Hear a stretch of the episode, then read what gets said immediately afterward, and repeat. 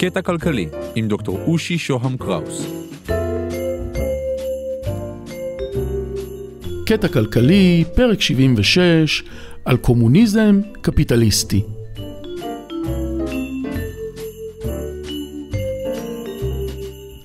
שאלה מוזרה, האם קפיטליזם הוא ההפך מקומוניזם?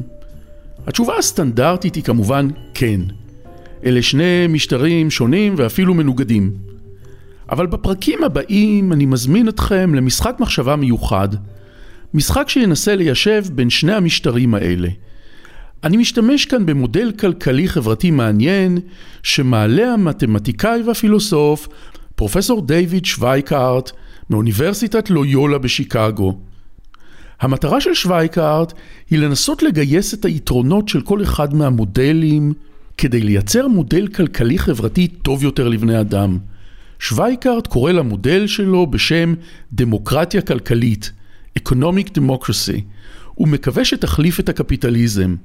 אני מציג כאן את המודל כחלק מניסיון ללמוד על עתיד המשטר הכלכלי, שבתוכו אנחנו חיים, ומזמין את המאזינים ליהנות מתרגיל חשיבה, גם אם אינם מסכימים עם הנחות היסוד שלו. שלום, כאן דוקטור רושי שוהם קראוס.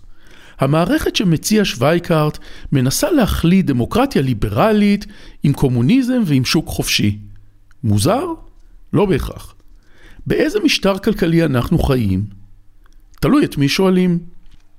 תשאלו מישהו מצעירי מפלגת העבודה, מרץ, יגידו לכם שאנחנו חיים בתוך קפיטליזם, פרוע אולי, שפוגע בשוויוניות בין האזרחים.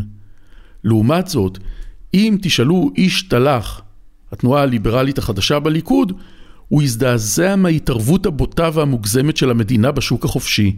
משטר סוציאליסטי כמעט הוא יכול לקרוא למשטר שלנו. לי חשוב להדגיש שוב, שהמשטר הכלכלי שמנהל היום את העולם המערבי הוא לא קפיטליזם מוחלט, והוא לא קפיטליזם מושלם.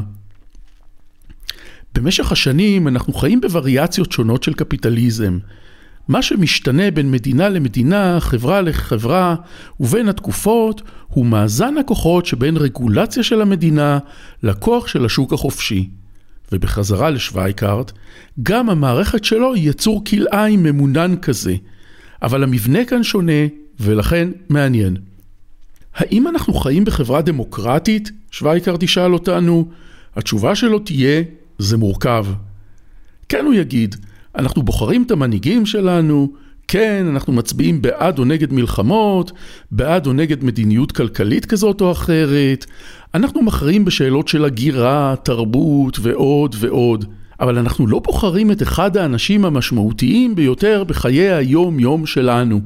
אנחנו לא בוחרים את הבוס שלנו.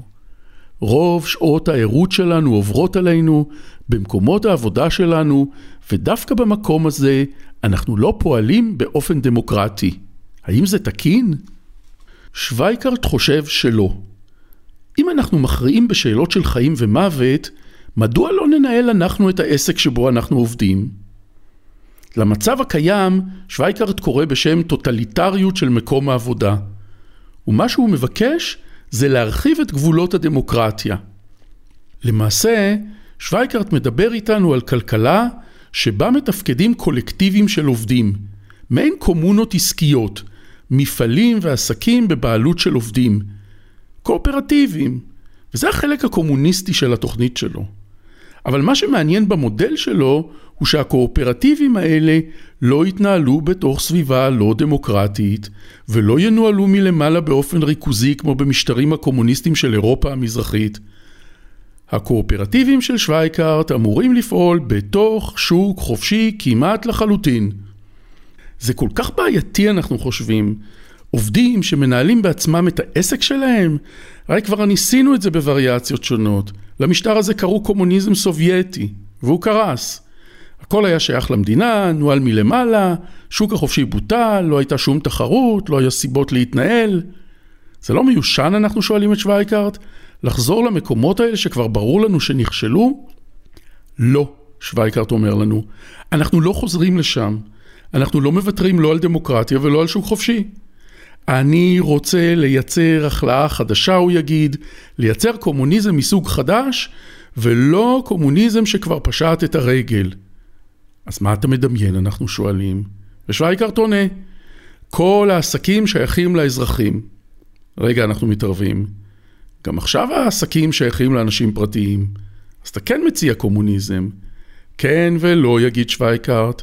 אני מדבר על כך שכל העסקים שייכים לקבוצות של העובדים שמפעילות אותם. אין בעלים אחרים.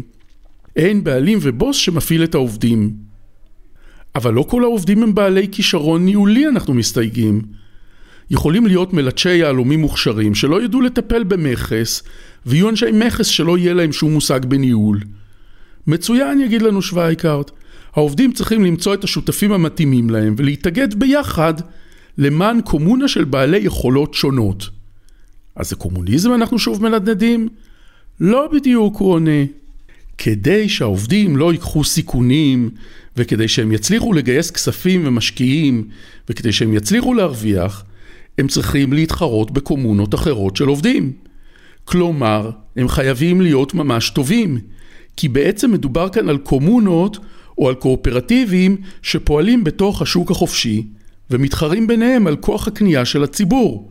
הרצון להצליח מול המתחרים בשוק החופשי יגרום לעובדים להתאמץ, למצוא שותפים טובים ולנסות להצטיין.